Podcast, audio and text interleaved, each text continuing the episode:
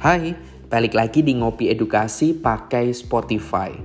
Kali ini kita akan bahas tentang ide. Wah, apa ya yang akan dibahas tentang ide? Judul kita saat ini Jaring Ide untuk Belajar Peka. Ide itu punya sebuah definisi nih teman-teman. Menurut Kamus Besar Bahasa Indonesia versi online, ide itu punya dua definisi. Apaan ya? Saya akan bacakan nih. Definisi yang pertama adalah rancangan yang tersusun di dalam pikiran, berupa gagasan ataupun cita-cita.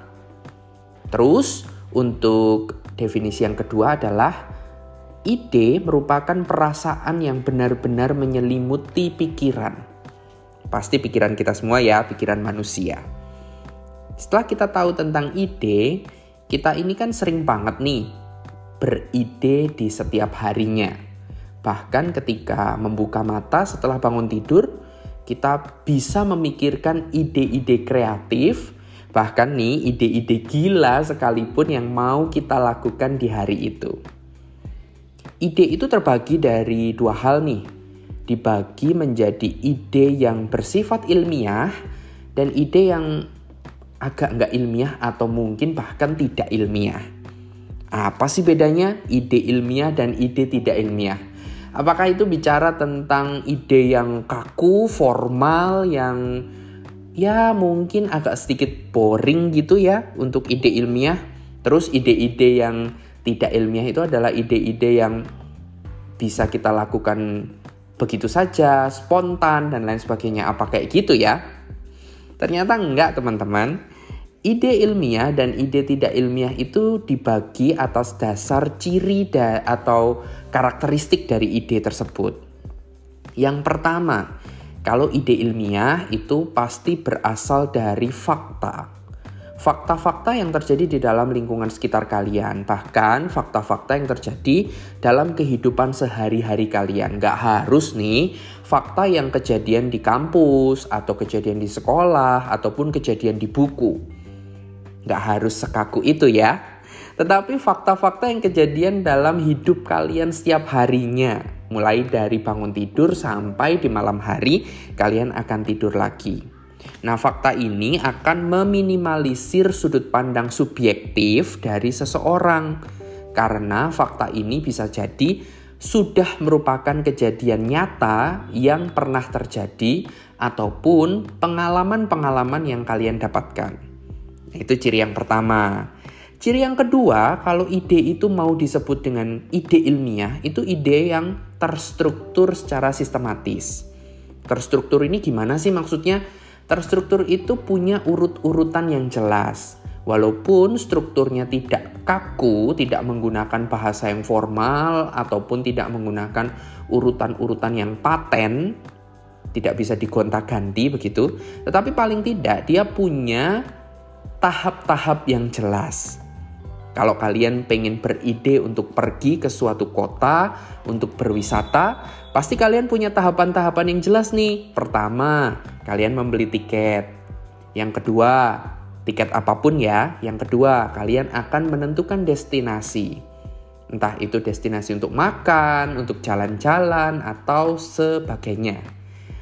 Dan yang ketiga, kalian nanti akan melakukan hal-hal unik di destinasi wisata itu. Misalnya foto, bernyanyi, membuat video TikTok, dan lain sebagainya.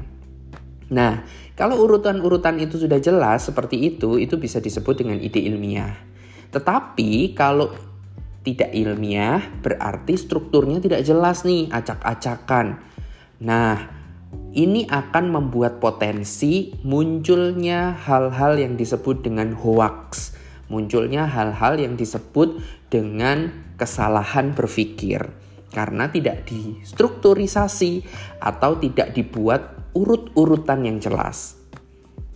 Terus berikutnya nih, ciri ide ilmiah itu punya sumber yang jelas. Sebenarnya ini berkaitan dengan fakta tadi nih. Kalau kalian berada pada sebuah obrolan bersama dengan teman kalian atau bersama dengan eh, sahabat-sahabat gitu ya, biasanya kita saling ngobrol dan obrolannya bisa saja sangat random, sangat bervariasi. bisa ngobrol A, B, C, D, dan tiba-tiba melompat ke F, G, H, dan lain sebagainya. Asalkan ide tersebut berasal dari sumber yang jelas, maka kita bisa buat ide tersebut sebagai ide ilmiah. Dan berikutnya, poin yang berkaitan dengan sumber yang jelas adalah tujuan. Ide ilmiah pasti punya tujuan. Karena kalau tidak memiliki tujuan ya itu tadi lawannya, ide yang tidak ilmiah.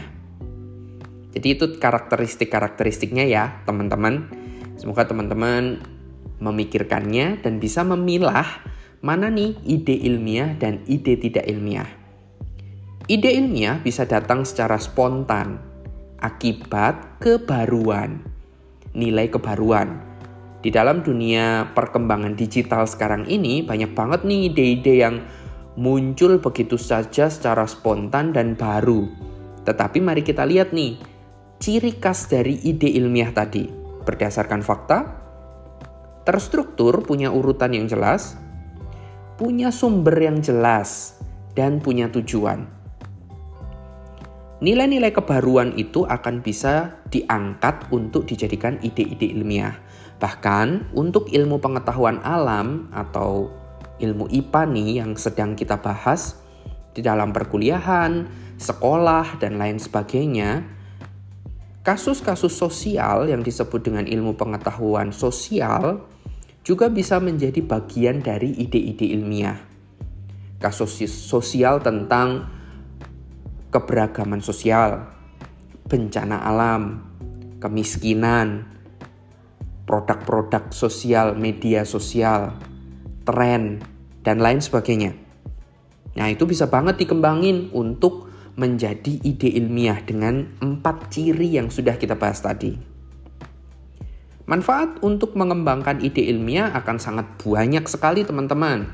Kalian akan bisa mengembangkannya menjadi bentuk tulisan, bentuk podcast, bentuk presentasi, bentuk ide-ide bahkan sekelas skripsi ataupun tugas akhir. Nah, dengan demikian, ada satu hal yang perlu dipikirkan setelah kalian menempatkan ide di dalam perkuliahan kalian atau di dalam hidup kalian. Ide itu harus punya peluang untuk dikembangkan. Misal kalian punya ide untuk membuat sebuah makanan dari bahan tertentu. Nah, ini karena kita pernah ngobrol nih ya teman-teman juga. Kita pernah ngobrol nih di bagian ngopi edukasi edisi sebelumnya tentang pembelajaran IPA kontekstual. Ikuti ya yang belum ikut ada di bagian bawah kalian bisa ikuti obrolannya itu tentang apa saja sih? Ternyata tentang membuat kopi di sana. Peluang untuk di kembangkan dari bahasan sebuah kopi itu akan menjadi bagian dari ide ilmiah. Nah, ide ilmiah ini juga akan membuat kalian bisa berpikir secara unik karena kalian tahu poin-poin yang harus dikembangkan di dalam kacamata atau di dalam kasus-kasus tertentu. Tentunya untuk mengembangkan sebuah ide-ide ilmiah, kita perlu berpikir realistis, teman-teman. Berpikir realistis adalah berpikir sesuai dengan logika. Apakah ide ini layak untuk subjek-subjek masyarakat tertentu misalnya? Atau ide-ide ini layak untuk dibawa ke perkuliahan, dibawa ke sekolah, atau dibawa ke ranah-ranah tertentu yang memang sesuai dengan topik ide tersebut. Nah, bagian yang terakhir nih teman-teman, untuk membuat ide ilmiah kita ini menjadi nyata, ada satu hal yang sangat penting, yaitu ketika kita mengembangkan ide, walaupun secara spontan, kita sendiri harus tahu perkembangannya, cara mengembangkannya, dan yang paling penting, kita sendiri tertarik untuk mengembangkannya. Banyak juga nih manusia-manusia modern atau teman-teman yang mengaku dirinya modern, tapi ketika mengeluarkan sebuah ide ataupun komentar, ya dia keluar begitu saja tanpa dipikir dampak selanjutnya, atau bahkan sebenarnya dirinya itu tidak mengerti apa yang dia sedang ungkapkan. Bahaya banget nih teman-teman kalau sampai seperti itu. Padahal ide yang baik itu adalah ide yang teman-teman sendiri tahu peluang untuk pengembangannya dan teman-teman sendiri tertarik, teman-teman sendiri mengerti apa yang sedang kalian kembangkan. Yuk, teman-teman, kembangkan ide-ide kalian, apalagi di dalam perkuliahan-perkuliahan merdeka belajar, banyak sekali ide-ide yang bisa dikembangkan, banyak sekali ide-ide yang sifatnya lokal, tetapi bisa dikembangkan secara nasional ataupun internasional. Dan juga banyak sekali pengalaman-pengalaman hidup kita yang bisa dianggap sebagai ide ilmiah dan kemudian dikembangkan. Dengan demikian, teman-teman juga punya pandangan nih, keunikan, kekhususan yang bisa kalian lakukan dalam hidup perkuliahan dan hidup akademis teman-teman. Jangan matikan ide kalian, dan terus kembangkan ide kalian sebaik mungkin. Sampai jumpa di edisi Ngopi Edukasi pakai Spotify berikutnya.